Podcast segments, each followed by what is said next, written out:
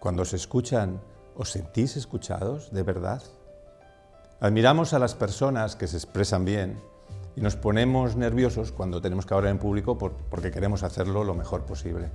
Hablar, expresarse adecuadamente, con palabras y con gestos, es importante. Sin embargo, si yo tuviera que elegir una entre todas las habilidades relacionadas con la comunicación, elegiría, sin dudarlo, la capacidad de escuchar.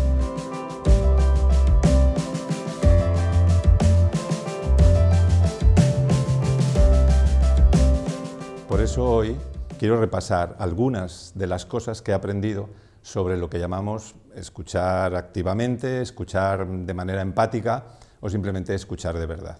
Porque la verdad sienta muy bien encontrar a alguien que te escucha de verdad. Vamos a ello. Primera idea. A la escucha genuina no le va la multitarea. Hay quien dice que los seres humanos cada vez tenemos más capacidad para hacer varias cosas a la vez. Sin embargo, la investigación no avala esta afirmación, al menos si estamos hablando de hacer bien actividades que requieren esfuerzo mental. Y escuchar es una de estas actividades. Segunda idea. Escuchamos más con los ojos que con los oídos. Cuando alguien nos cuenta lo que le pasa, podemos recoger dos tipos de informaciones. Por una parte, escuchamos el contenido verbal de lo que nos dice, hechos, datos, situaciones. Ciertamente esto nos entra por los oídos. Pero además, esa persona nos está dando información sobre sus emociones, sobre cómo se siente, sobre cómo le afectó o le está afectando eso de lo que nos habla. Y esta información es tanto más relevante que lo que dice su boca. Incluso puede ser contradictoria. Esta información nos la da su tono de voz, sus manos, sus gestos, su postura. Para escuchar bien, además de oídos finos, hay que entrenar la mirada. Tercera idea. Cuando escuchamos, nuestro cuerpo nos delata. ¿Alguna vez alguien se ha dormido mientras os escuchaba? Espero que no me esté pasando ahora con vosotros. Igual que la otra persona expresa sentimientos con su lenguaje no verbal, nuestro cuerpo, nuestros gestos, también hablan mientras escuchamos.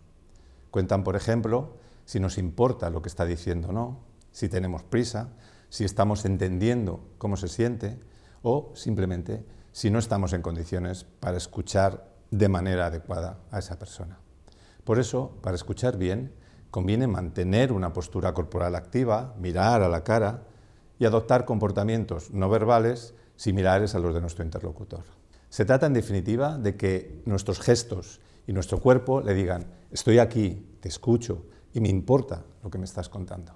Cuarta idea. No basta con escuchar y entender la otra persona se tiene que sentir escuchada y entendida.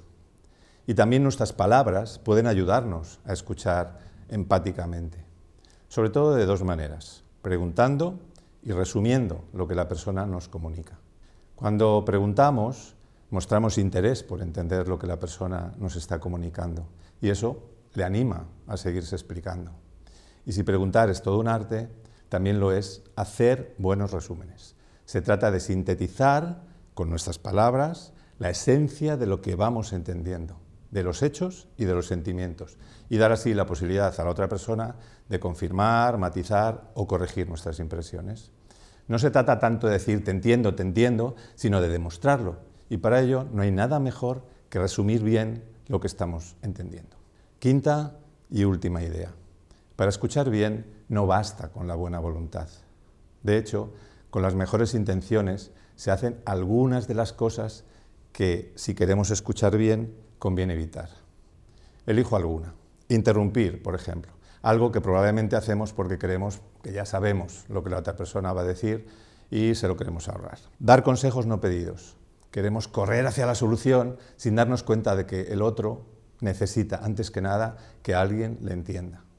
Y mi favorita entre las palabras prohibidas, cálmate, o todas sus versiones. Tranquila, no te preocupes, no pasa nada. Aunque se digan con la mejor de las intenciones, suelen provocar el efecto contrario. Y si no, probando.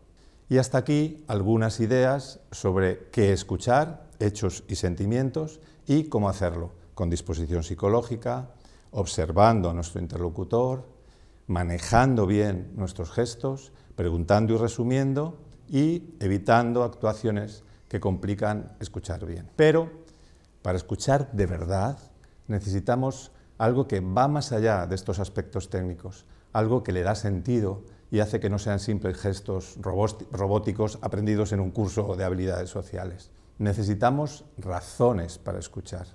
El qué y el cómo no son nada sin el por qué o el para qué. Escuchamos porque nos interesa lo que vive la otra persona. Escuchamos para ser dignos de su confianza, para ayudarle a pensar o para ayudarle a decidir, o incluso porque si escuchamos de verdad, es más probable que después también seamos escuchados. Decía Eduardo Galeano, en un mundo de plástico y ruido, quiero ser de barro y de silencio. La escucha genuina tiene mucho que ver con esto. Parar el reloj, dar espacio a la palabra y también al silencio y dejar que la historia del otro sea, al menos durante un ratito, lo único que realmente importa.